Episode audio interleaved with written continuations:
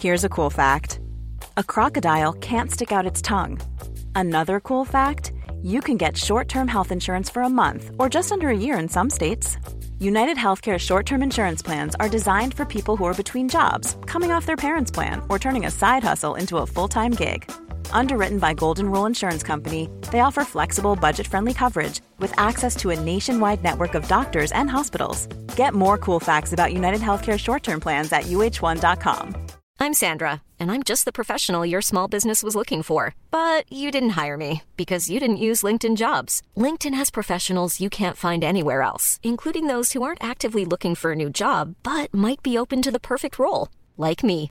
In a given month, over 70% of LinkedIn users don't visit other leading job sites. So if you're not looking on LinkedIn, you'll miss out on great candidates like Sandra. Start hiring professionals like a professional. Post your free job on linkedin.com/people today. Burrow is a furniture company known for timeless design and thoughtful construction and free shipping, and that extends to their outdoor collection. Their outdoor furniture is built to withstand the elements, featuring rust-proof stainless steel hardware, weather-ready teak, and quick-dry foam cushions. For Memorial Day, get 15% off your Burrow purchase at burrow.com slash ACAST and up to 25% off outdoor. That's up to 25% off outdoor furniture at burrow.com slash ACAST. Vi är denna vecka sponsrade av Indie Beauty. Och Sofie, det här tycker jag är extra fint och extra roligt. Ja men Indie Beauty är ju ett skönhetsvarumärke som jag tror att väldigt många känner till, men det jag älskar mest det är att Indie Beauty liksom vill vara mer än bara produkter, vilket de ju också är. Exakt. Indie Beauty står ju för Independent Beauty, skönhet på dina villkor och för din egen skull. Och Indie Beauty tror ju stenhårt på ett alternativt skönhetsideal fritt från måsten, skam och känslor av otillräcklighet. Där är jag helt med Indie Beauty. Jag med. Det är så jag vill att skönhet ska vara. Ja men verkligen. Och vet du vad som är nytt för i år Sofie? Berätta. Från och med i år så skänker Indie Beauty 1% av sin försäljning till Suicide Zero, Tjejzonen och Djurens Rätt. Så när man handlar produkter från Indie Beauty så kan man liksom känna att man också ger tillbaka till samhället. Ja, kraften i tillsammans. Ska jag säga en sak nu då, som jag, det, men det är detta jag är extra glad över. Nu har Indie Beauty tagit fram en keps och den tycker jag ändå så på sommaren, skydda sig från solen. Jättebra, jag älskar kepsen. Men det bästa, de bidrar till Suicide Zeros viktiga arbete för att minska antalet självmord och självmordsförsök. Så för varje såld keps så går hela vinsten, 100 kronor, direkt till Suicide Zero. Då kan man liksom göra nytta både för samhället och sin hud på en och samma gång. Ja, och kepsen kostar 169 men alltså hela vinsten går då som sagt till Suicide Zero. Mm. Så om man vill göra skillnad när man är där ute i solen, nu när den börjar titta fram, då ska man välja den här kepsen. Den säljs exklusivt på indiebeauty.se och på Apotea. Tillsammans kan vi skapa en ljusare framtid. Vi ses med kepsarna på! Tack Indie Beauty. Vi är sponsrade av Mindler och som ni säkert vet sedan tidigare så är vi ju ute på psykologresan tillsammans. Men hur vet man egentligen när det är dags att söka hjälp? Ibland uppstår saker i livet som kommer utmana oss och kännas tufft. Det mesta självläker vi oss igenom, för vi är menade att ta oss igenom en viss mängd påfrestningar. Men ibland behöver man professionell hjälp för att ta sig ur jobbiga perioder i livet. Men vart går då gränsen? Vad är en del av livets skavighet och när är det läge att söka hjälp? Det sägs till exempel att stress är farligt, men att också kan vara bra. Alla sover dåligt ibland, så när har man egentligen sömnproblem? Ångesten kommer väl krypande för de flesta någon gång. Så när ska man se ångesten som outhärdlig? Hur vet jag? Med oss som psykolog har vi såklart min gamla psykolog Linnea Seidbrant. Men Linnea, vad är egentligen utmattningssyndrom? Utmattningssyndrom är en konsekvens av svår och långvarig stress utan möjlighet till återhämtning. Mm. Vi är ju då skapta för att klara av stress, men vi behöver också återhämtning. Om du utsätts för för mycket stress under en lång period utan att du får till den nödvändiga återhämtningen så kommer kroppen till slut att säga ifrån. Och det är faktiskt så att alla har en gräns. Du kan drabbas av en rad fysiska eller psykiska besvär som trötthet, sömnproblem, hjärtklappning, besvär från magen och tarmarna och mycket annat. Och det här är ju då varningssignaler och tecken på att du kan behöva göra någonting åt din situation. Annars så kan besvären utvecklas till att du mår så dåligt på sikt att du blir psykiskt och fysiskt utmattad. Ladda ner Mindler till din telefon och läs mer på mindler.se. Nu ska vi ägna oss åt ett ämne som tyvärr är ständigt aktuellt, nämligen våld mot kvinnor i nära relationer. Natten mot den 4 juni så misshandlades ekonomiassistenten Lotta till döds av sin dåvarande pojkvän. Söndagen den 14 maj skulle 19-åriga Tova Moberg delta i en simtävling men dök aldrig upp. Över ett dygn senare hittades hon död i en sjö söder om Hudiksvall. Women built these movements and these are movements that are affecting in a positive way everybody, not just women and girls but also men and boys. Jag har nog läst handlingarna i åtminstone tusen mord.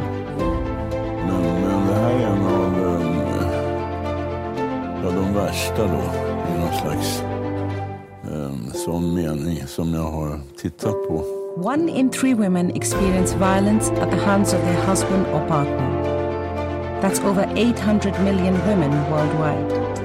morgon i helgen så släpptes ju den tidigare polischefen Göran Lindberg villkorligt efter att ha avtjänat två tredjedelar av sitt straff som var på sex år. Mm, han dömdes bland annat för misshandel och grov våldtäkt. 28 Klockan 18.23 skickar Lisa Holm ett sms till sina föräldrar i Skövde där hon säger att hon precis ska åka hem. En knapp timmes resa. Det här smset ska senare visa sig vara det sista livstecknet från henne. Du lyssnar på Ångestpoddens serie Vi måste prata om kvinnohat och idag pratar vi om fysisk misshandel.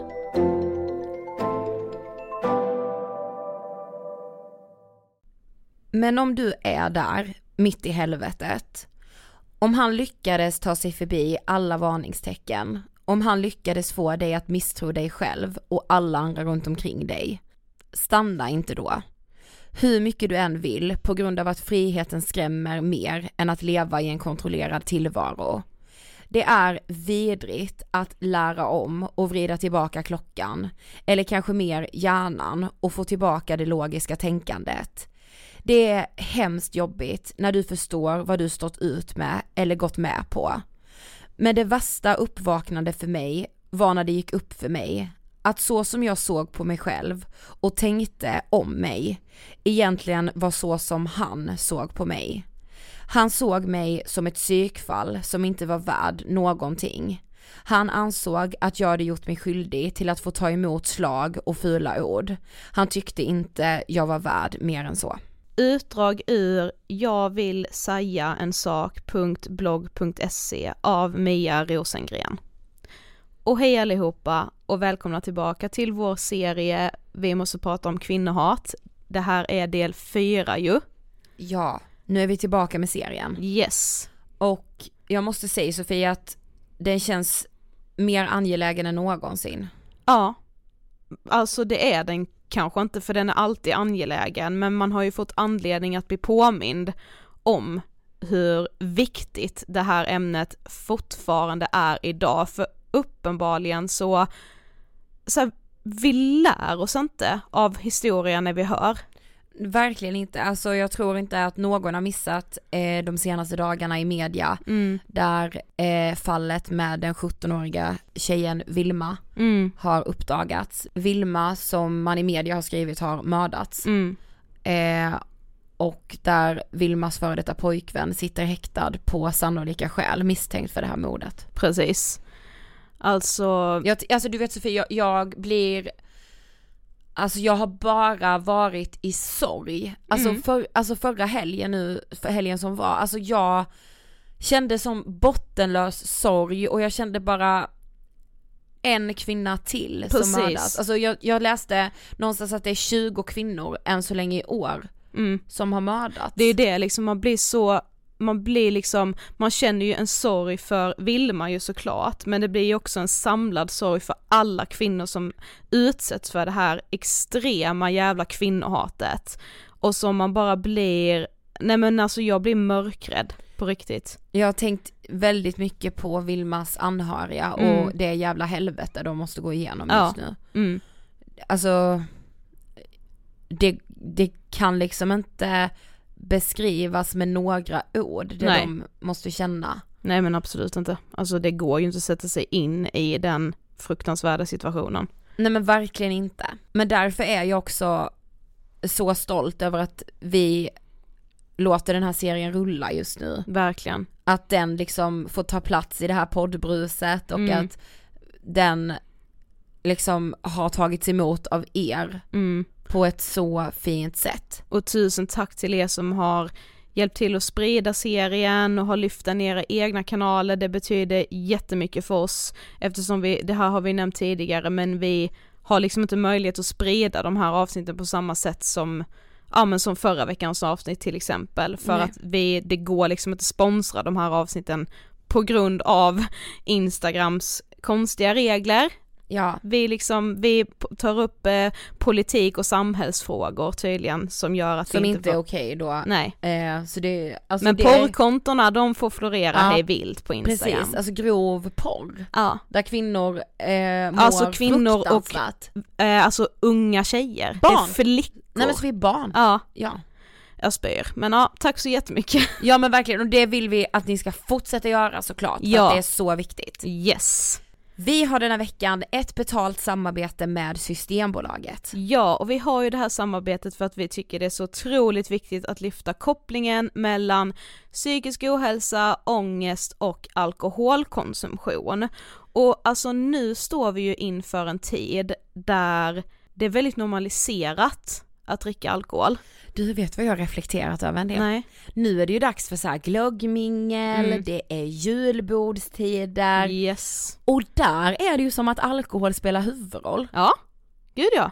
Alltså jag har ju själv känt det så här hur man liksom, du vet man har jobbat på andra företag, du och jag har inte riktigt den Nej vi företagskulturen. har inte den, nej verkligen inte. Men när man har jobbat på företag som är större liksom, där man Ja. har varit anställd och så mycket kollegor liksom, det taggas ju till och tas liksom för givet att alla runt omkring en ska dricka alkohol. Ja men visst är det så, alltså jag normaliserar det själv tänker Ja. jag med, så här års, Mm. att jag bara Ja men jag dricker nog lite mer men det gör ju alla så det Precis. är lugnt, det är väl ingenting med det, alltså så här. Jag har ju också jobbat i liksom restaurangbranschen Mm. och jobbat på julbord. På julbord, ja. Och de Ja. här julborden sker ju inte bara på helgerna utan det är ju vardag, vardagskvällar liksom. Mm. Och där tog man med bara för givet liksom, alltså det var ju så mycket alkohol som liksom florerade där. Men vet du vad jag mer har tänkt på? Nej. Eller du och jag har ju till och med diskuterat det. Mm. Men du vet så här, nu är man ju ofta bortbjuden Ja. och det är liksom en middag kanske, det är någon liten släktpartaj, alltså du vet. Mm. Och då, den typ vanligaste gå bort-presenten, det är ju flaskan. Ja, det är en flaska vin, eller en Ja. flaska bubbel. Ja verkligen. Ja, det är alltså första gången som vi pratade om det här med Systembolaget, så alltså det var en, ett sånt uppvaknande för mig själv, för jag jag har ju gett bort den här typiska ge bort-presenten Ja. så många gånger till personer som jag inte känner jätteväl, därför känns det också så här, ja men då är det enkelt. Ja eller Att hur? så här, om jag ska ge något annat, typ så här, ja men säg någon inredningsdetalj, usch jag vet inte vad den personen har för stil. Ska jag ge bort ett klädesplagg, ja men jag har inte koll på vad den personen gillar bara, men en flaska vin, det är jätteenkelt för det dricker ju alla. Ja men Vad eller hur? fan vet jag om Eller det? hur? Vadå tänk så här att, att man tycker det är värre att ge bort typ en inredningspryl för att För att bara det kanske inte matchar resten Eller av hur? För att det lägenheten. kanske inte matchar, men man ger bort en flaska fast man vet inte om den här personen har alkoholproblem. Nej. Det är ganska vanligt Ja, nämligen. eller vad den personen har för relation till alkohol. Det kan ju vara så att man liksom har bestämt sig för att inte dricka för att man är uppväxt i en familj där det har varit liksom alkoholism inblandat på något sätt. Alltså du vet man kan ju ha så olika relationer till alkohol men det pratar man liksom inte om och tar för givet att alla bara, ja men alla uppskattar väl en flaska vin. Men nu sa ju du med så här, ja men till någon du kanske inte känner så väl. Men jag tänker för den delen, alltså folk man känner väl också, alltså man kan väl dölja sitt alkoholproblem? Ja, alltså jag har ju gett bort en flaska vin till personer som jag inte vet har drogproblematik men som jag vet ofta blir kanske lite för fulla på Mm. festen. Nej men alltså det var ett sånt uppvaknande för mig bara. Ja men faktiskt, alltså det känns som att jag verkligen kommer reflektera över att så här, det finns tusen andra saker att ge bort Mm. när man går på middag hos någon eller är bortbjuden. Mm. Att så här, man kanske ska välja bort alkoholen. Ja. Den här veckan så har ju vi träffat en kvinna som liksom, vad ska jag säga, hennes historia var någonting som berörde mig Mm. väldigt, väldigt mycket. Mm. Men jag tyckte hon var så jäkla stark i sin story. Mm. För denna veckan gästas vi av Mia Rosengren som själv har levt i en relation med fysisk misshandel. Jag tänker att vi kan säga det att om man tycker att det är jobbigt att lyssna på våld och hur det kan beskrivas så förekommer det i det här avsnittet. Ja det gör det. Eh, och vi vill ju liksom inte liksom censurera, det vet ni ju för det har vi ju aldrig gjort innan i Ångestpodden Nej. heller. Vi tycker att de här storiesen behöver lyftas, de ska inte censureras för då tror vi att man liksom, ja men så här, då är det lätt att bara säga men det händer inte. Det är Nej. lite som att liksom så välja och se mellan fingrarna och det, nej men jag tolererar inte det. Nej men det kan vi inte göra. Nej, verkligen inte. I det här avsnittet så pratar vi om Mias ex som Anders, men Anders heter egentligen något annat. Hej Mia och varmt välkommen till Ångestpodden! Tack så mycket! Jag sa ju det till dig nu här innan men vi har de senaste dagarna fullkomligt plöjt igenom din blogg. Mm. Alltså det har verkligen varit, och vi kommer ju komma in på det, men det har varit både liksom tufft att läsa men också Alltså jag har bara känt såhär jävlar vilken styrka du besitter liksom. Ja men det är väldigt lätt att bli den här, bara ett inlägg till. Ja. Men för de som inte vet, vem är du? Vem är jag? Jo men eh, jag heter ju Mia Rosengren, kommer från Örebro. Eh, Jag jobbar som eh, föreläsare inom våld i nära relationer. Och mitt arbete bygger ju på min tid i en relation med psykiskt och fysiskt våld. Mm. Så då är jag ju ute och berättar om det här på skolor och inom kommuner, landsting. Ja, alla som, som vill ha mig tänkte jag säga. Alla som Mm. vill lyfta den här frågan. Mm. Jag har gjort det nu i tre år. Mm. Mm. Så viktig fråga Ja, att mm. lyfta alltså. också. Men vad tänker du på när du hör ordet ångest? Ja, då får jag direkt en klump i magen eh, när jag tänker på ordet ångest. Eh, och att det är någonting jobbigt. Mm. Och att det är något som måste belysas och något som vi måste prata om. Mm. För det är så himla många som bär på det och att det syns ju inte. Nej. Den här ångesten. Så att eh, det är jättebra att ni har den här podden tycker jag. Mm, tack. Mm. Men idag så ska vi ju som sagt fokusera mest på fysisk misshandel. Eh, och det här blir då den fjärde delen i vår serie, vi måste prata om kvinnohat. Eh, och som du nämnde så har ju du egna erfarenheter av just det här. Men vi tänkte ändå så här att vi ville liksom börja lite innan din relation och innan allting.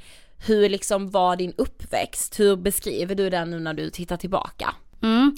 Det här är ju en vanlig fråga som jag får. Det här med uppväxten och att man kanske tror att eh, när man har levt i en relation med våld att man har en bakgrund kanske med föräldrar som missbrukar Mm. eller destruktiva relationer. Mm. Och jag är ju precis tvärtom. Jag har ju haft en jättefin uppväxt med bra föräldrar som alltid har stöttat mig. Jag har haft bra med kompisar, socialt nätverk. Jag har alltid fått veta att man ska stå upp för sig själv och där man tycker och sådär. Och jag är uppväxt ute på landet med massa gårdar och eh, har alltid haft kompisar. Eh, bra utbildning. Så att, ja.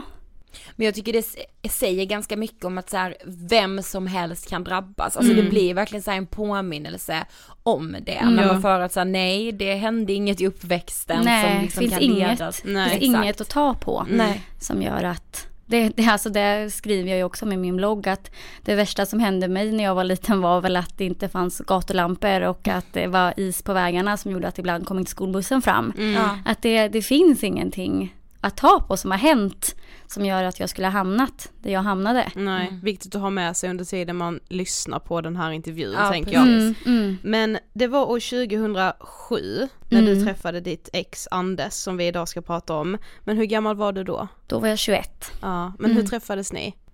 Ehm, jag hade sett Anders på en, en affär där han jobbade. Eh, och började googla på sociala medier som han hade då.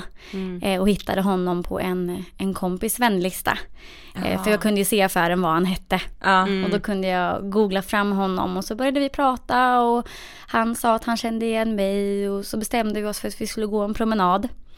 Ehm, och redan där och då så kände jag att den här killen var något, han var något speciellt. Och vi började egentligen dejta då. På en gång och det liksom var super super härligt. Mm. Men sen hade han en tendens av att han helt plötsligt kunde säga att nej men jag kan inte träffa dig längre. Jag är så sårad från mitt förra förhållande och jag är inte redo än. Eh, vi kanske kan ses senare igen. Eh, men just nu går det inte. Så han lämnade mig ofta i, i en förtvivlan att känna att han Mm. eh, inte ville vara med mig fast egentligen ville han det men han var för trasig. Ja. Så att hela tiden så levde jag ju på att ja men om jag ger honom lite tid så kanske han kommer i fatt och varenda gång vi träffades ute och var onyktra så pratade han alltid om hur mycket han tyckte om mig och hur mycket han egentligen ville satsa på vår relation men han var inte redo. Så det blev nästan som en, en katt och råtta-lek Mm. som pågick under fyra år.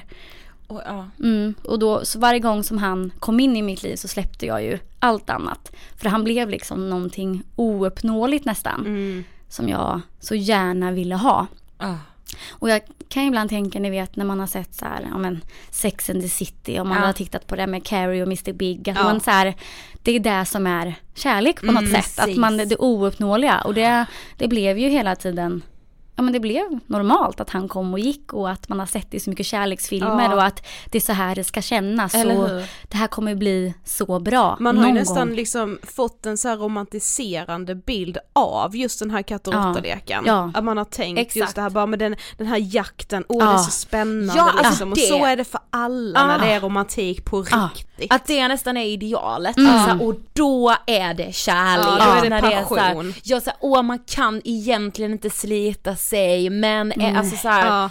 åh gud, ja alltså tänk liksom bara alltså den symbolen som Carrie Mm. och Mr Big Mm, är yes. från Sex and the City. Ja. Mm. Alltså jag menar för en, hur många generationer som helst. Ja. Verkligen. Ja. Och då blir nästan det här, det blir inte lika, jag menar det blir för lätt, då blir det inte roligt längre. Nej, och då precis. tror man att det är det här man ska ha. Men vad hände efter de här fyra åren? Alltså vad var det som ändå gjorde att ni bara, jo men nu är det vi. Mm. Eh, jag tror att det var, jag hade ju aldrig någonsin sagt ifrån eller sagt emot honom. Jag var ju alltid liksom, när han kom så sa jag ja men vi kör och vi testar nu och det blir jättebra. Men så var det, eh, när jag fyllde 25 så hade jag en stor eh, fest och jag träffade honom ute den kvällen och då hade vi kanske inte setts på ett halvår. Och det här bar jag ändå på ganska mycket ilska, kommer jag ihåg. Och kände att nej, jag orkar inte känna så här längre. Nu vill inte jag mer, nu är jag vuxen. Jag vill ha ett seriöst förhållande. Så den kvällen bestämde jag mig att jag skulle tala om för honom att nu blir det, nu är det stopp. Mm, nu jävlar. Ja, nu jävlar blir det inget mer av det här. Mm. Så gick jag fram till honom och så kommer jag ihåg att han tittade på mig med hans stora hundögon och var så här jättetrevlig som han alltid är. Och sa, istället för att säga att nu skiter vi i det här så sa jag att antingen så skiter vi i det här eller så kör vi nu. Det är din sista chans. Mm. Och då sa han det att ja men vi kör. Vi gör det. Och så kommer jag ihåg att han sov hos mig den natten och jag var så att nej, nej, det här kommer inte, det kommer inte bli vi ändå. Men det var något som var alltså, så annorlunda med honom nästa morgon. Att han var, han kändes kärleksfull på ett annat sätt och att han verkligen ville vara med mig. Ja. Och sen den dagen så satt vi ihop. Mm. Och det märktes verkligen på honom att han, ja, han ville, nu var han redo för det här. Ja, och hur var ert förhållande sen då till en början, liksom där när ni precis hade blivit ett par på riktigt? Mm, ja, det var helt, helt fantastiskt. Han var, alltså han såg mig på ett sätt som ingen annan hade gjort. Han verkligen uppmärksammade alla de här små detaljerna, ställde fram vatten till mig varje kväll, han såg till att jag hade allt som jag behövde. Men ni vet de här små detaljerna, Mm. man bara hur kan du ens, bara för jag ställde fram vatten en kväll så kommer han ihåg det sen. Ja. Att ja, men hon vill ha vatten vid sängen varje kväll och Mm. hon vill ha det på det här sättet. Hon gillar de här grejerna att äta och man vet man kände bara att någon så ser på en på ett sätt som man aldrig har känt tidigare och Mm. att han väldigt snabbt började prata om att han, ja men jag har verkligen väntat på att få känna så här för dig och att Mm. nu är jag redo att bara vara med dig. Och jag jobbade natt då Mm. och han stod och väntade utanför mitt jobb klockan sju på morgonen och hämtade mig och körde hem mig. Alltså bara såna grejer som man kände att men det här händer ju bara på film. Ja. Att någon gör såna här fina saker Mm. mot en. Men när märkte du, alltså första gången att någonting inte stod helt rätt till i er relation? Mm. Ehm, egentligen ganska snabbt, ungefär en och en halv månad in i, i vår relation. Ja, oj. Så, ja, så åkte vi iväg på en, eh, en spa-weekend över nyår till, till Tallinn. Och eh, vi gick ut och vi åt gott och vi drack eh, och dansade in tolvslaget. Och hade det super, super härligt. Sen kom vi tillbaka till vårt hotellrum och var onyktra och vi vi hade någon diskussion, men jag vet inte riktigt, jag kommer inte ihåg vad den handlade om, men att jag märkte att han väldigt fort blev väldigt obekväm och sur. Och jag kände att vi fortfarande bara diskuterade. Eh, och tyckte inte alls att, jag tyckte det blev konstigt att han kunde bli så arg när vi bara pratar. Så jag bestämde mig för att, ja men okej nu får vi sära lite på oss. Och jag går på toaletten och sminkar av mig, gör mig klar för att sova. Så kan vi prata om en liten stund när vi har lugnat ner oss. Så jag låste in mig på toaletten och han följde efter och stod och bankade på dörren och kände sig väl provocerad av att jag inte ville avsluta Ja. tjafset så. Mm. Att jag bröt där mitt i. Och jag sa nej men vi får prata om en stund. Eh, sen hörde jag bara att han gick ifrån dörren och eh, sen smällde det till i väggen. Och att han själv skrek till. Och jag frågade vad han, vad han höll på med. Och då sa han det att han hade slagit handen i väggen och trodde att han hade brutit handen. Och jag tänkte att nej, men det är klart han inte har gjort. Varför skulle han göra det? Det där säger han ju bara för att jag ska komma ut härifrån nu. Mm. Men han hade ju brutit handen. Eh, flera ben var av, lillfingret och ringfingret på vänster hand. Mm, så då åkte vi in till sjukhuset i Tallinn och eh, han fick eh, gipsa det där då. Och de frågade honom ifall, för han sa att han hade halkat och läkaren var ju sådär att det här ser inte ut som att du har halkat, det här, du har slagits. Men jag vet att jag reagerade inte på det då. Eh, För att han hade ju inte slagit mig. Nej. Så Nej. jag tänkte ju liksom inte, nej men det är inte, det är inte jag som har blivit slagen. Mm. Ehm, sen åkte vi hem och vi sov. Och på morgonen så pratade vi om det och vi skrattade lite åt det och, och sådär. Och så sa han ändå det att men, så när vi kommer hem så kan vi väl ändå säga att, att jag halkade. För jag tycker att det är så pinsamt. Jag skäms så mycket över att jag har gjort så. Att jag blev så där arg. Mm. Och skyllde på snedfylla. För det har man ju haft någon gång och att man blir sur och det behöver ju inte vara något konstigt. Nej. Så jag reagerade liksom inte så mycket på det mer än att jag kom ihåg att först tänkte jag att nej men varför ska jag ljuga? Jag har ju inte gjort några fel i det här. Men den här ångesten och um, den eh, skulden han kände fick mig att ändå tänka att ja men jag kan väl göra det här då. Jag, jag provocerade ju ändå honom genom att låsa in mig på toaletten. Mm. Det var nog därför han blev så arg. Mm. Jag vet också att du i din blogg har lagt ut eh, en skärmdump ifrån ja, någon social media där du liksom spär på den här lögnen då om Mm. att så här, oj någon har visst halkat och brutit handen vi Ja. varit iväg liksom. Ja. Men när ni kommer hem från den här resan så har ni ju alltså då bara varit tillsammans i typ en och en halv månad Mm. och då vill han att ni ska flytta ihop. Mm. Vad kände du inför det? Jag blev ju såklart väldigt, väldigt glad. För jag hade ju strävat efter den här mannen i fyra år. Ja. Så att han helt plötsligt ville satsa till 100% gjorde mig ju väldigt upprymd och väldigt glad. Och jag mådde jättebra. Men jag kände ändå att en och en halv månad, ja det är väldigt kort tid för att Mm. säga upp min lägenhet och flytta ihop. Och han körde ju mycket med det här att ja, men vi har ju ändå känt varandra i fyra år. Vi, vi vet ju vilka vi är och det finns väl ingen anledning att vänta. Den, den enda jag vill vakna upp med är ju dig. Eh, jag vill aldrig mer vara med någon annan. Och det är ju det är ju som jag sa, man känner att man helt plötsligt har fått allt det här som man har längtat efter så länge. Mm. Men jag kände ändå att, ah, väntar ändå lite. Så att eh, ungefär efter tre månader så valde jag att hyra ut min lägenhet i andra hand. För att vi skulle flytta ihop. Mm. Så då flyttade du in till honom då? Mm, det gjorde jag. Men vad var liksom, alltså den egentliga anledningen tänker du till att han ville att ni skulle flytta ihop så Mm. snabbt? Ja, eh, vi... alltså vi tjafsade ju en del redan från början och sådär Mm. och han, eh, ofta när det blev ett gräl sådär tidigt så, så hotade han alltid med att han skulle lämna mig Mm. I de här grälen och det kunde ju vara allt möjligt. Det kunde ju vara att det var fel saker som var till frukost eller att vi hamnade i en diskussion, tyckte olika om en film eller att Ja men det var så små saker så att det är så här, man kommer, jag kommer inte ens ihåg dem. Mm. Men allt kunde vändas till att han skulle lämna mig. Ja. Och, och jag kommer ihåg att jag blev, jag blev ju livrädd när han sa det och fick ju mig att känna att, jag, att det var fel på mig. Mm. Och varje gång de här bråken uppstod så sa han alltid efteråt att, eh, ja, men jag, att han kände sig otrygg med mig. Att han kände att han inte, han var rädd att jag skulle lämna honom. För att han blev ställd mot väggen och inte kunde försvara sig. Och då var det enklare att lämna mig först. Mm. För han kände som att han förlorade makten över mig. Att jag var den som stod honom över huvudet kan man väl säga. Mm. Och hellre att han får lämna än att du lämnar honom. då, Ja, liksom. Mm. så att han fick tillbaka någon slags makt och kontroll. Men han sa att han ja, jag är ganska otrygg i, i mig själv och den här relationen för den är så pass ny. Eh, och jag kommer ju bli trygg också. Men om vi flyttar ihop så kommer jag känna mig ännu tryggare. Då kommer inte jag behöva hålla på med de här hoten längre för då kommer jag ju veta att du bara vill vara med mig. Mm. Så då kände jag också att ja, men, om jag gör det här för hans skull och för vår skull så kommer vi inte bråka mer sen. Mm. Då kommer det bli lugnt. Men istället så utvecklades ju den, de här aggressionerna och det fysiska våldet. Alltså går det på något sätt beskriva hur det här våldet utvecklades? Mm. När vi väl hade flyttat ihop så kände ju jag den här tryggheten Mm, som han ja. pratade om. Jag kände ju att nej, men nu var jag trygg Mm. i, mellan oss och att jag vet att han kommer inte lämna mig och jag kommer inte lämna honom. Eh, men han fortsatte ju med de här hoten.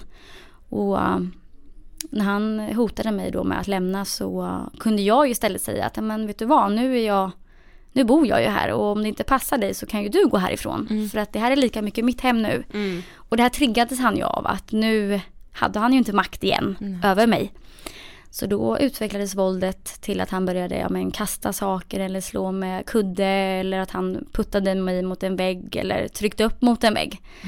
Ehm, och då blev jag ju rädd igen för honom. Och då bad jag ju om ursäkt. Oavsett om det var jag som hade utlöst bråket eller om det var han så tog jag på mig skulden. Och det var ju samma här varje gång som han, eh, som han gjorde någonting så hade han ju en sån otrolig ångest och skam efteråt och tog alltid på sig skulden för det han hade gjort. Men sa ju också alltid att ja, men hade inte du provocerat mig eller tryckt på de här svaga punkterna då hade jag inte blivit så här arg. Så att han fick ju mig att hela tiden känna att jag var en stor del till att han utövade någon form av, av våld. Mm. Men jag tänkte också på, alltså hur ofta kunde det här ske? Eh, var det varje dag eller var det någon gång i veckan?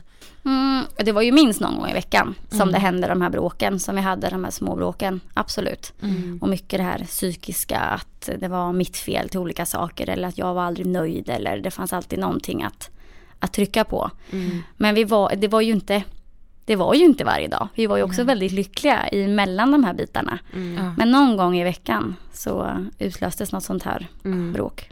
Gud alltså jag bara tänker liksom på den rädslan det måste vara att ständigt gå runt och bara nej men gud han får inte bli så arg så att han slår mig eller puttar Mm. mig eller Mm. det måste vara en sån ofantlig stress. Ja, och det blir ju en normalisering. Så att till Ja. slut så känner man, man märker ju inte av det själv riktigt att man har den här stressen och man försöker hålla kontroll på det man kan. Jag städade ju otroligt mycket och inredde vårt hem väldigt, väldigt fint. Det blev ju min kontroll på allt runt omkring. Att det här kan jag kontrollera hur det ser ut här hemma och vi kan ha, ytan kan vara så himla, himla fin. Eh, Och utåt sett var vi ju det finaste paret. Mm. Och det jobbade jag ju stenhårt med. Mm. Det skulle se ut så. Mm. Mm. Men jag vet också att du skriver i din blogg att ju mer fysiskt våld var i hemmet, desto snällare blev han utåt. Ja. Så han var också, det var inte bara du som fick slita för att hålla den här fasaden uppe för utåt sett så var han en väldigt fin Mm. person. Men på vilket sätt var han det? Ja men en gång till exempel så var jag i, i Lund och hälsade på en vän. Och så ville jag åka hem en dag tidigare. Så han satte sig ner och åkte till Lund och hämtade hem mig. Bara för att jag ville hem. Och det ser ju ut som en väldigt fantastisk fin Mm. gest. Och det var Ja. ju en fin gest han gjorde. Det fanns inget bakom det. Men att det är ju för att visa upp en fasad Ja. av hur bra pojkvän man är. Han lagade alltid fina matlådor till mig där han gjorde så här hjärtgurkan eh, och la i i matlådan och skrev fina lappar, lämnade fina rosor av papper som han gjorde. Han, eh, ja, men han bjöd hem mina vänner på middagar, vårt hem var alltid öppet för mina vänner om de mådde dåligt. Han skjutsade och hämtade mig överallt, såg till att jag hade det bästa Mm. hela tiden.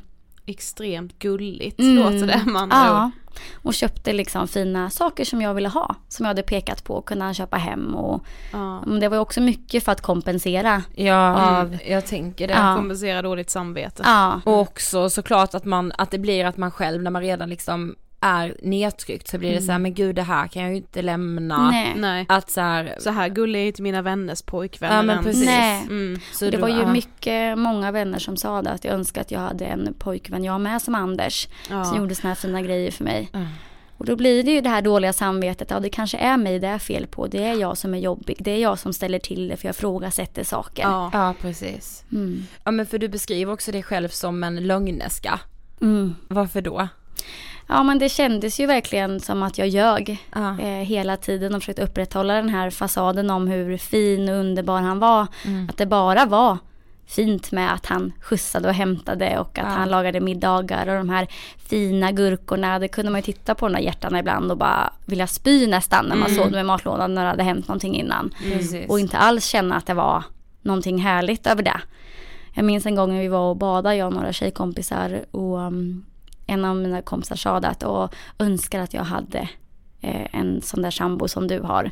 Och att jag då sa, det var en annan tjej som reagerade på att jag sa, ja men allt är inte bara guld och gröna skogar jämt. Alla Mm. har sina eh, sämre sidor. Mm. Och sen sa vi inget mer men den här tjejkompisen hon reagerade på att jag, att jag sa så. Ja. Men det var bara något som kom ur, ur farten. ja, precis. Och jag vet att jag ångrade mig efteråt. Att Mm. jag nästan hade försagt mig om att, att han är kanske inte så bra. Mm. Ja för du var helt, alltså var du helt målmedveten om att inte berätta någonting Mm, för någon? Det var jag. Ja. Det skulle inte komma fram. Nej.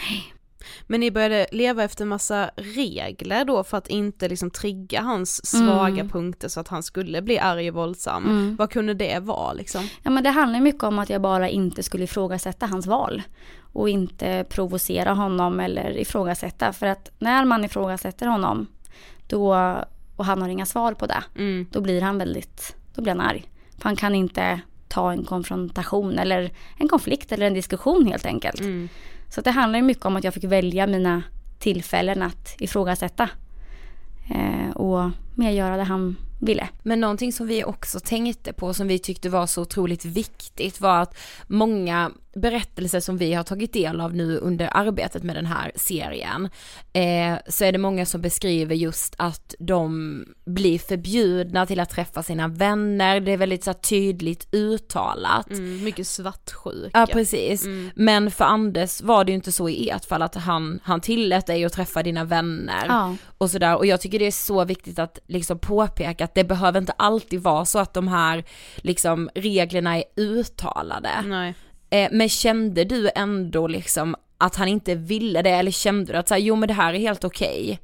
Jag kände att det var helt okej Ja. för mig att umgås med alla mina vänner. Mm. Nästan kanske känslan av att han kanske inte brydde sig så mycket. Okej. Mer åt det hållet. Ja.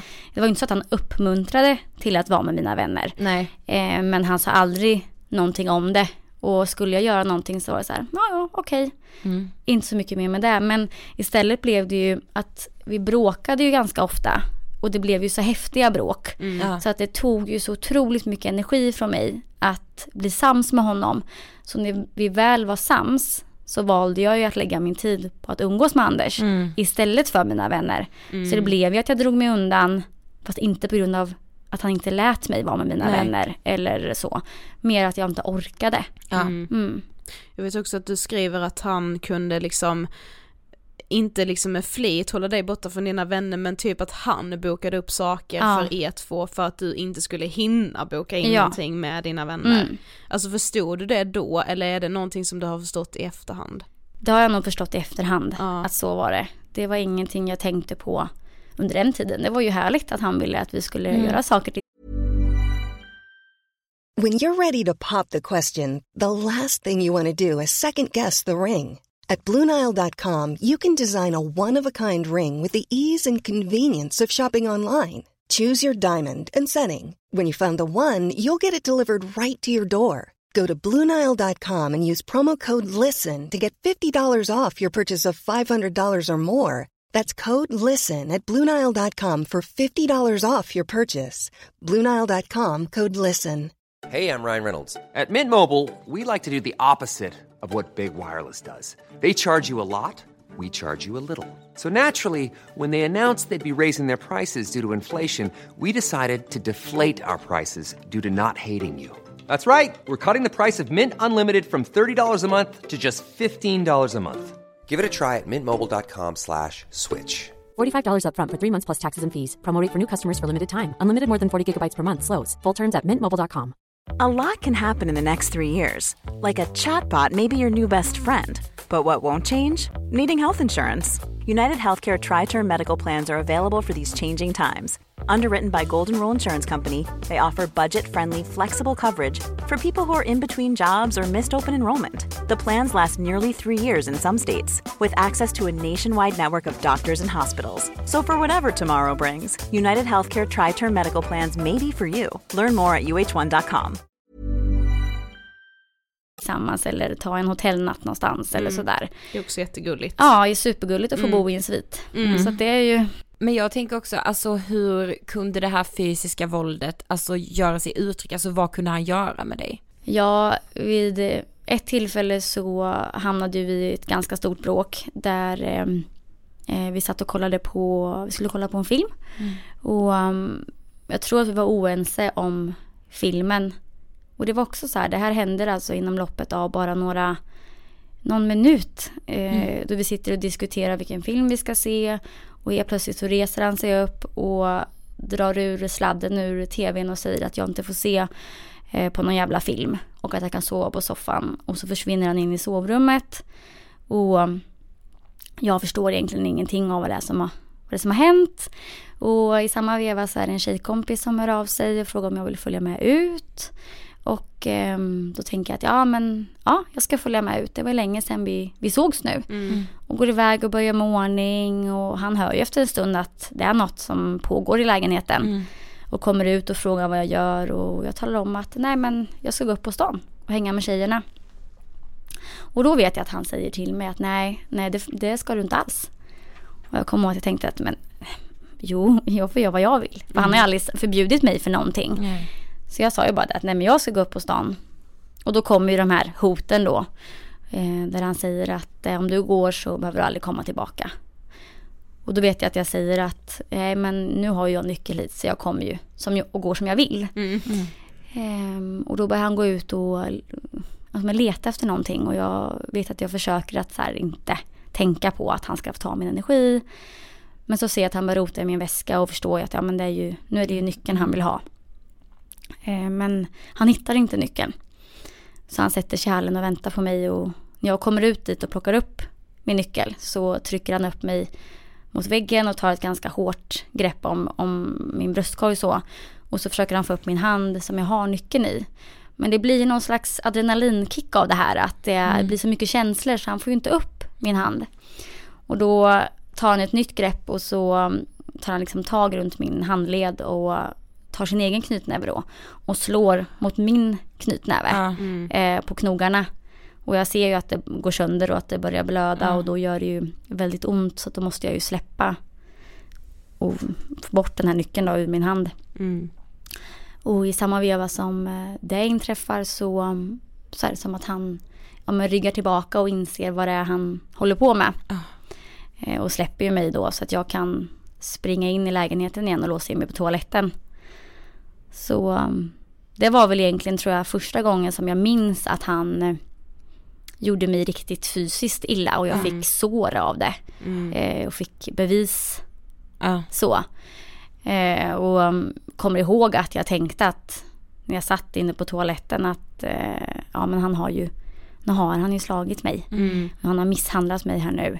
Men tänker inte alls på något av allt annat han har gjort innan och hur han har hotat och tryckt upp mot vägg och så. Det, det är bara det här jag tänker på och jag hör hur han gråter och Mm.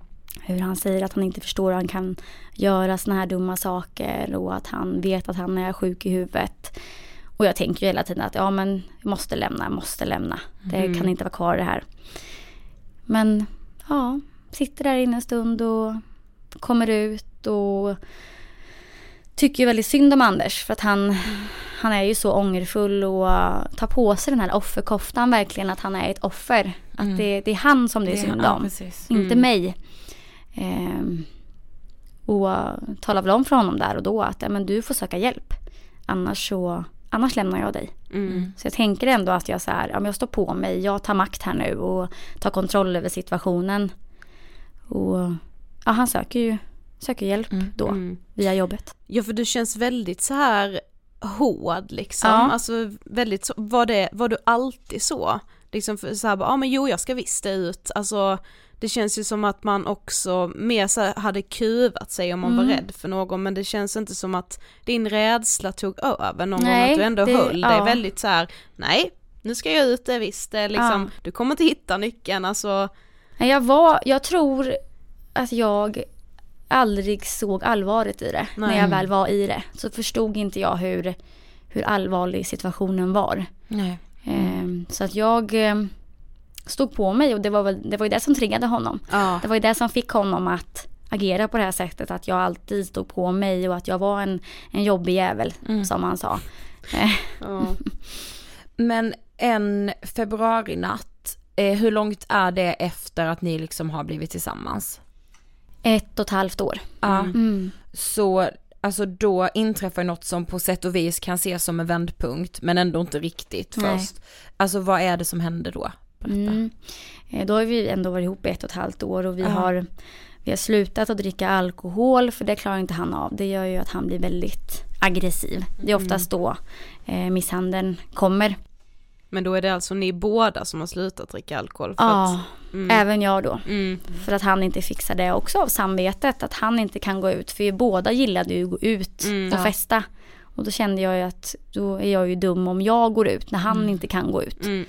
Eh, men eh, då var det en kväll när han, eh, för han var, var innebandytränare på den tiden. Och hans lag skulle ha sin eh, sista, sin sista match Mm. och lagfest. Och sen till nästa termin, eller nästa, ja termin kanske heter. Mm, säsong. Säsong Ja. heter det. Till nästa säsong så skulle de gå upp i division och då ville han gärna gå på den här festen.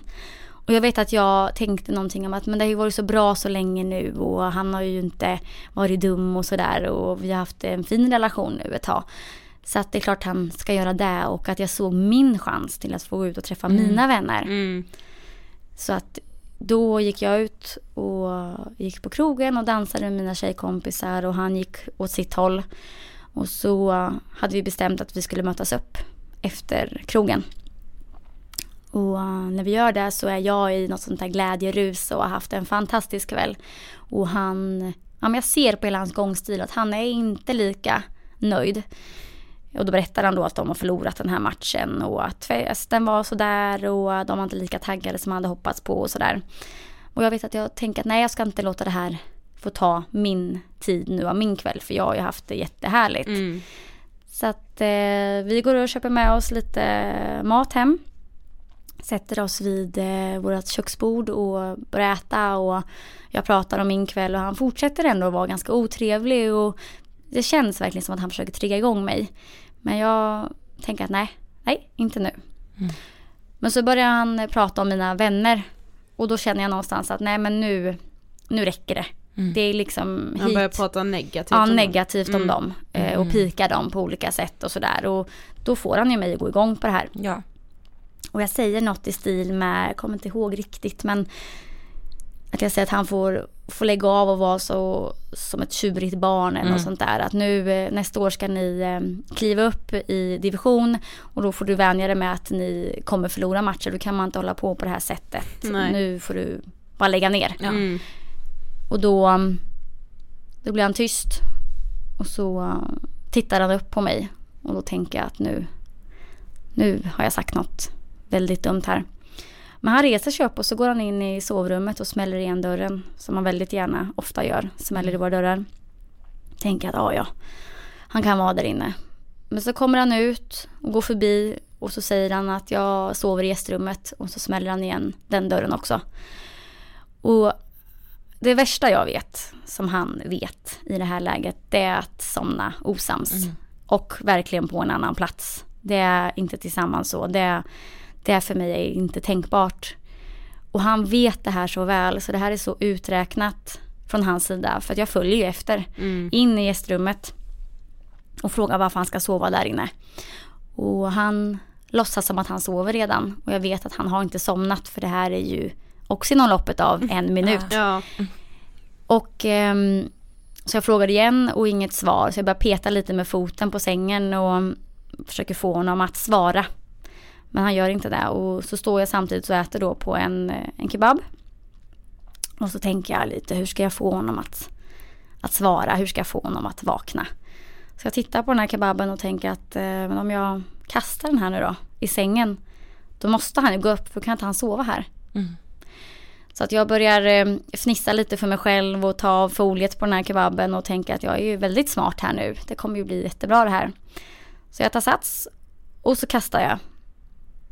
Och så i nästa sekund så blir det svart för mig. Och jag vaknar upp på golvet.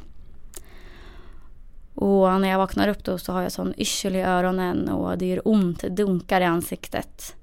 Så jag börjar känna och lokalisera var, var kommer den här smärtan ifrån. Och känner då att jag, om jag blöder vid näsroten. Och då kommer det tillbaka till mig att efter jag har kastat den här kebabrullen så har han rest sig upp och så har han tryckt upp mig mot eh, garderoben och så skallade han mig. Mm. Och sen har jag då eh, tappat medvetandet. Och när jag kommer på det här så tittar jag upp och då ligger han tillbaka i sängen. Och jag eh, tar mig ut från det här rummet och ringer till mina vänner som var med den här kvällen. Och försöker återberätta eller berätta vad det som har hänt. Mm. Och de som inte har en aning om hur vi har levt förstår ju ingenting. Och de blir ju sådär, nej men nu, nu är du, du är full, du överreagerar. Så hör jag honom i bakgrunden säga att jag överreagerar, att det inte alls har hänt. Eh, men när jag vänder mig mot honom så ser jag ju hans reaktion att okej det här kan han ju inte snacka bort. Nej. Det här är ju på riktigt. Mm. Eh, så att ehm, jag ehm, jag fortsätter prata med mina vänner som säger att de är på väg. Och jag ser Anders i bakgrunden hålla på och klä på sig. Och så öppnar han ytterdörren och jag frågar vart han ska och då säger han att han ska gå och anmäla sig själv för det här är ju helt, det här är helt sjukt. Och så smäller han igen dörren och mina vänner kommer. Och så ser de då att jag har ju inte överreagerat. Nej. Men var du rädd i denna situationen? Ja, då var jag rädd. Ja. Det var jag. Mm. Det är några tillfällen som jag har varit rädd. Och det var ju mot slutet. Mm, när det ja. blev allvarligare och allvarligare. Mm. Ehm, så här, då var jag, då var jag rädd för honom. Mm. Men eftersom han då anmäler sig själv så får ju du även samma natt träffa polisen. Mm. Vad säger de till dig? Ehm, ja men eh, först så är de ju eh, väldigt snälla och förhör och tar bilder och sådär och vill mitt allra bästa. Mm. Ehm, men den här polisen säger också att ehm, ja men nu, nu måste du anmäla och så måste du lämna den här relationen. Och jag kommer ihåg att jag blev väldigt ställd och att jag kände att nej, varför ska jag, ja, jag kanske ska anmäla eller kanske jag borde men lämna, du har ju ingen aning om hur vi har haft det. Nej.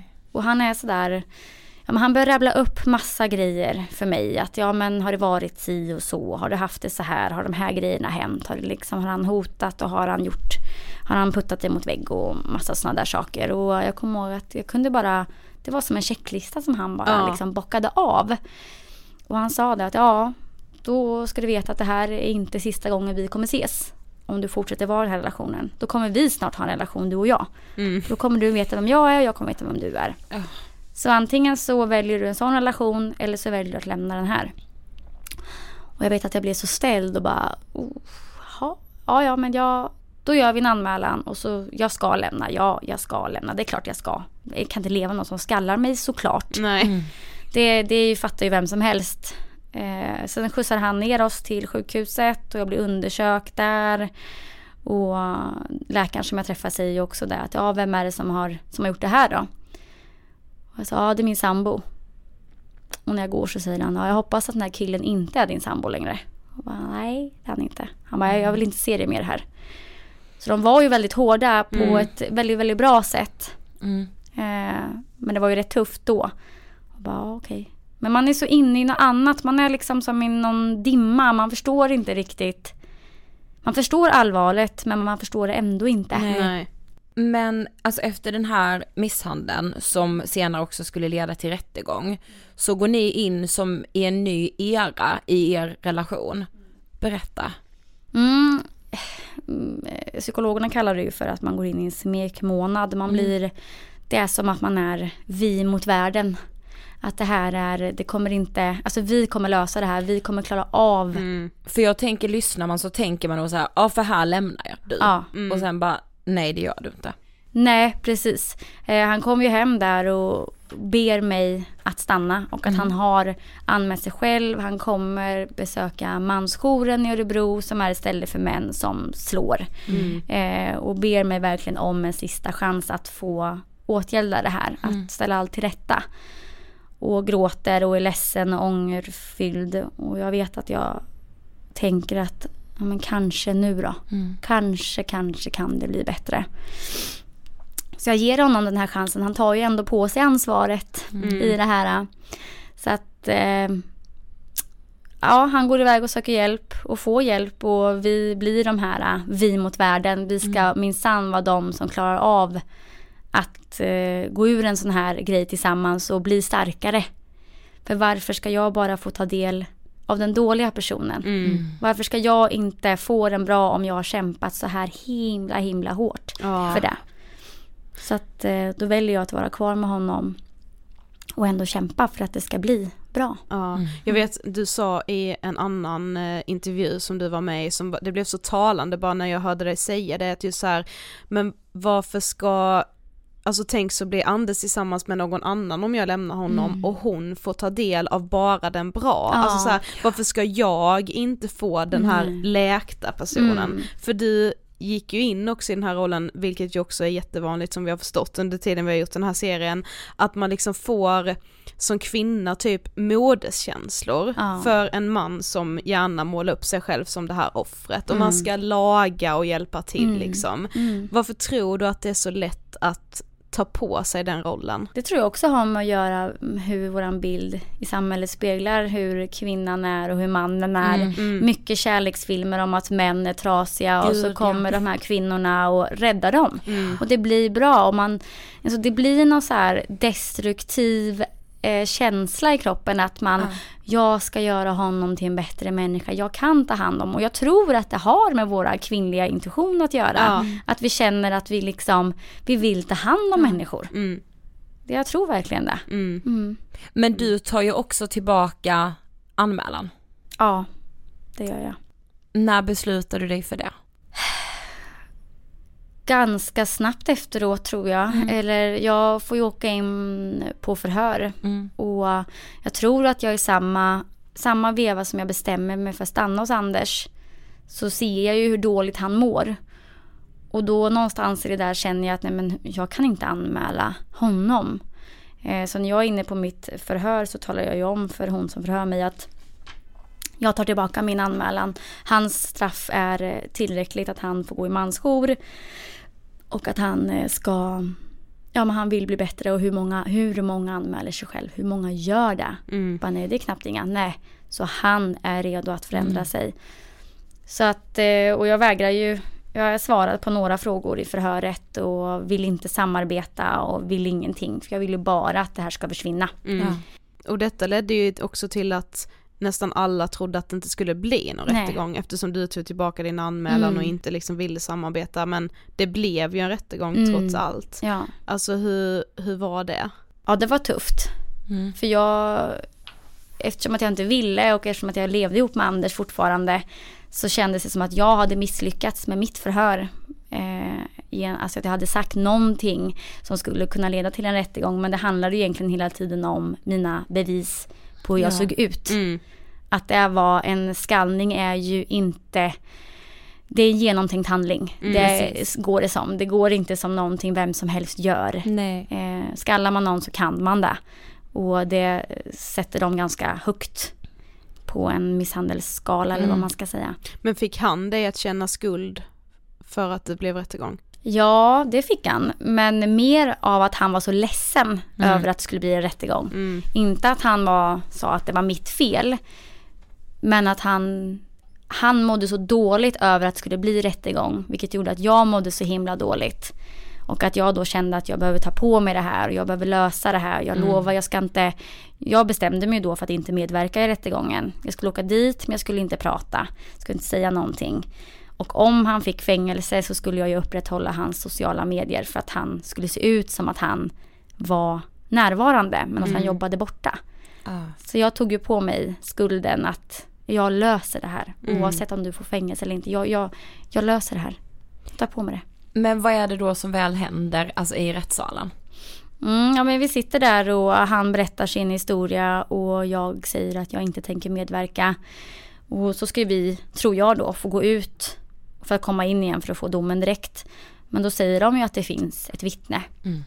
Och um, jag blev väldigt ställd för att det fanns ju inga personer där. Jag var ju själv och jag har inte namngett någon. Men då kommer den här polisen in som har varit hos mig den här natten. Och jag kommer ihåg att, att jag har nog aldrig skämt så mycket som jag gjorde när han klev in i rättssalen.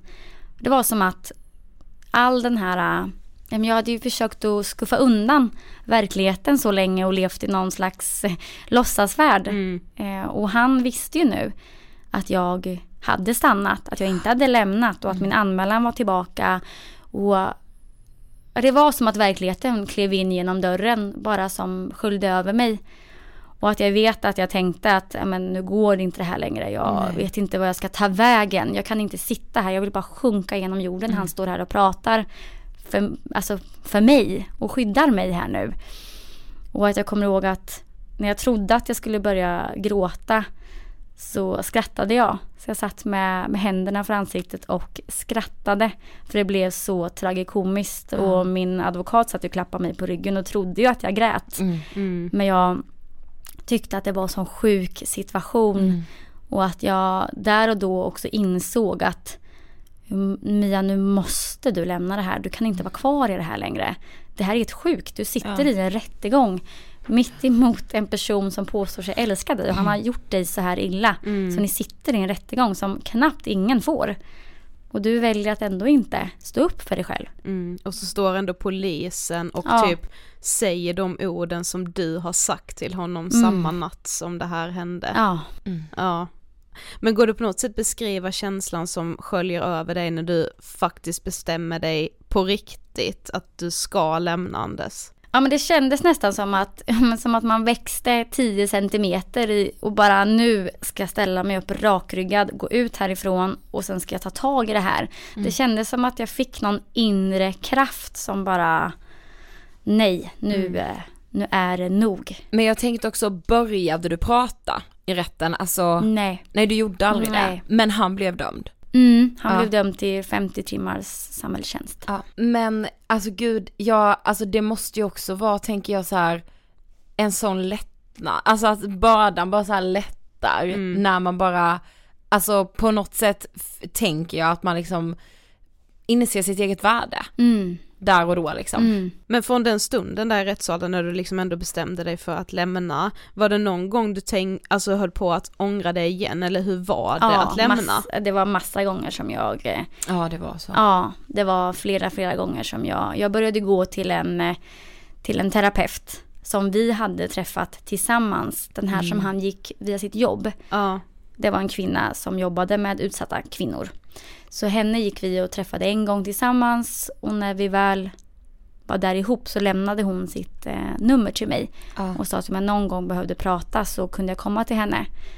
Och jag vet att jag sa till Anders att jag behövde gå själv i terapi för att komma ikapp honom. Han sa ju väldigt ofta att, för han ville ju flytta ihop och skaffa barn och sådär. Mm. Och jag sa nej till det, att jag inte var redo. Och han sa det då, men du, du är fast i det gamla, jag har inte gjort dig illa på ett halvår nu.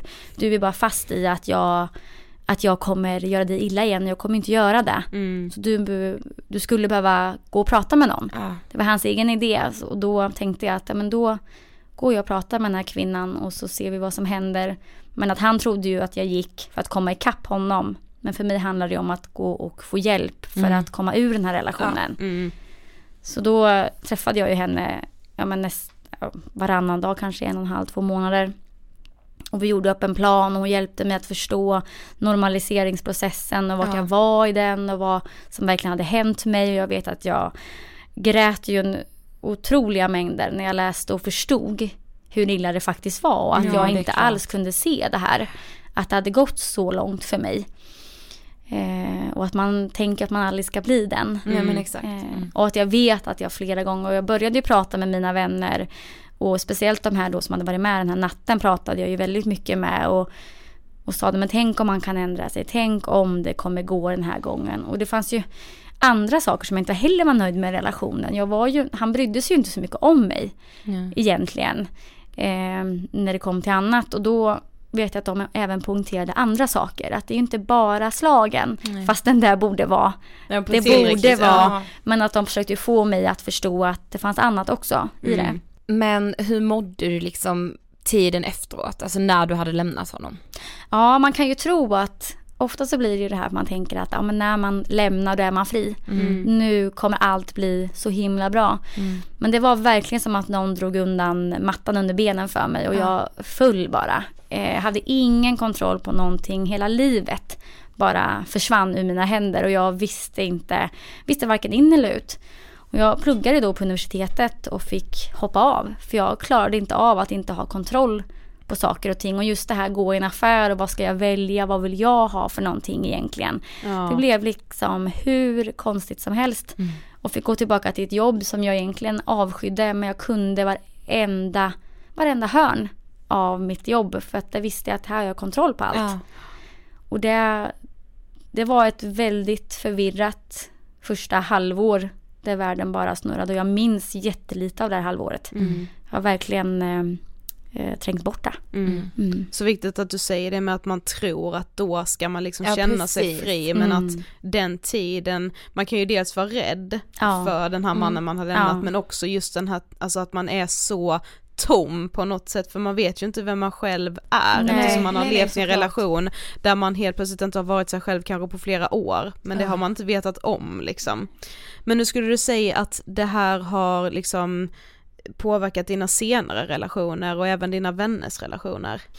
Ja, alltså när jag träffade ja, min, eh, inte, nu blir det min, mitt ex. Ja, ett Som- annat ex. Ett annat Mm. ex, eh, min före detta som jag varit ihop med i fem år. Mm. Så var det väldigt mycket testande på honom. Eh, prova och putta, jag sa fula saker. Eh, mycket så här för att se vart han stod. Vad han Mm. kunde göra mot mig. Och jag vet att många gånger så var jag han så här, men hur kan du säga så där till mig? Eller hur kan du liksom vara fysisk? Eller du, du gör mig ledsen. Och helt plötsligt så kände jag mig ju som den som utsatte honom för våld. Eh, och kände att gud, nu har jag intagit den här rollen. För det hade ju blivit så normalt för mig Ja. att kunna kalla någon för dum i huvudet. Och det var ju, och idiot och sådana ord. Och det var ju för mig inga farliga ord. Det var ju Nej. väldigt milda ord. Mm. Så jag hade ju jättesvårt att hantera att han blev ledsen.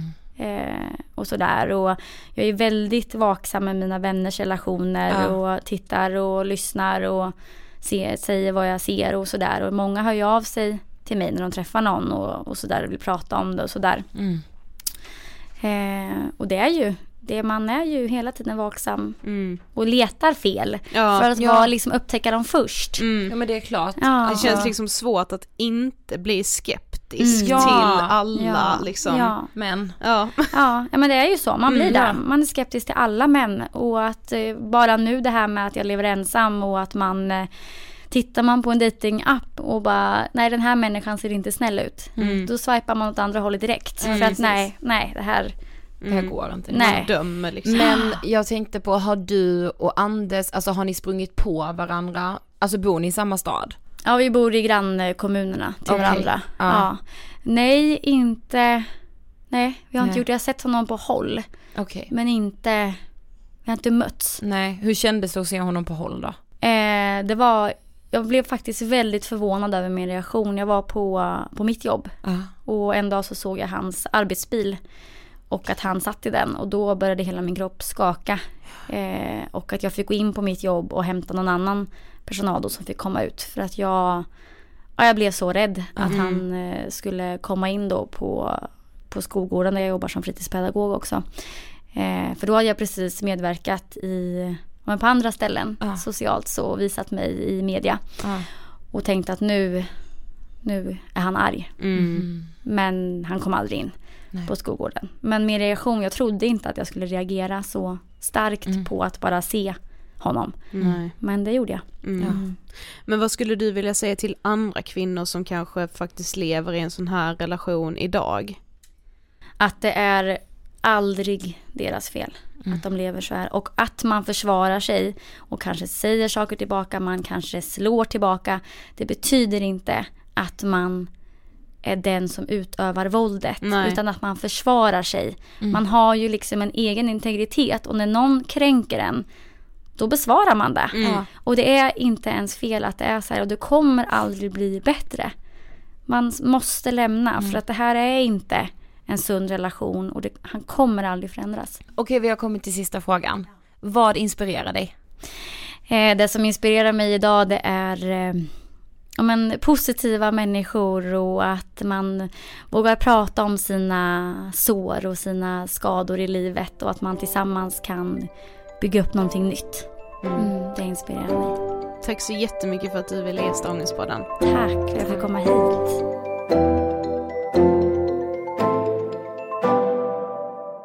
Tack snälla Mia för att du kom och gästade oss och för att du delade din så viktiga berättelse. Ja, alltså det är så viktigt att prata om den här Alltså de här kärleksrelationerna, Mm. alltså när man är så kär i någon att man helt plötsligt bara har tummat på allt vad Ja. ens egen värdighet är, vad man egentligen har liksom för så här regler för sig själv och vad man liksom hade sagt till sina tjejkompisar. Bara så här, du kan ju fan inte tolerera det i din relation. Nej. Helt plötsligt så bara tolererar man allt Själv, och också liksom. börjar ljuga om allting, alltså just det här som Mia säger att hon såg sig själv som en lögnerska liksom. Mm. Hon visste ju någonstans hur mycket hon ljög om allt Precis. egentligen. Men att det är, det är värt mer än att förlora den här kärleken. Ja men exakt. Eh, och om man vill läsa mer om Mias berättelse så kan man då gå in på Jag vill säga en sak fast säga då med A Ja, istället. men ni fattar. .blogg.se. Yes, där finns allt. Ja. Innan vi avslutar så vill vi verkligen tacka er som har köpt biljett till vår show. Yes. Som alltså går av stapeln den 21 mars, den heter Ångestpodden, en, En kväll, på Skala. Och det kommer verkligen vara en kväll utöver det vanliga. Ja, snälla köp biljett på Eh, ni kan gå in på skalateatern.se eller eventim.se och sök bara på Ångestpodden. Yes, och, Och tagga allt. oss. Vi vill se Alltså, när ni köper biljett. Ja, och önska er det i julklapp för guds skull. Det är den perfekta julklappen. Det här var del fyra av Vi måste prata om kvinnohat.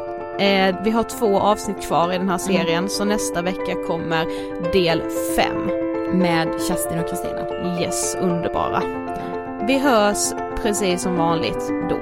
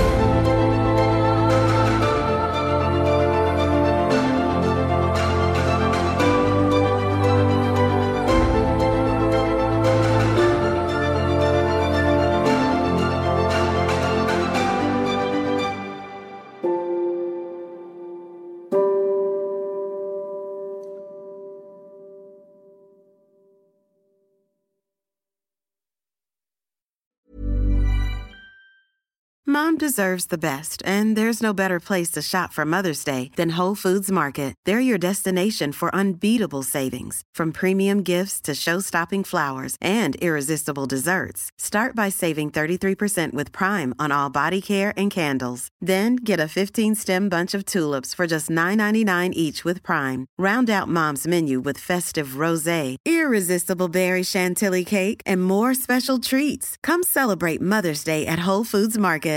Planning for your next trip?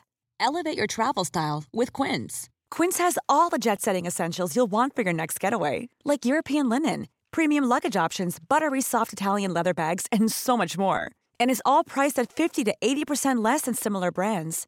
Plus, Quince only works with factories that use safe and ethical manufacturing practices. Pack your bags with high-quality essentials you'll be wearing for vacations to come with Quince. Go to quince.com/pack for free shipping and 365-day returns.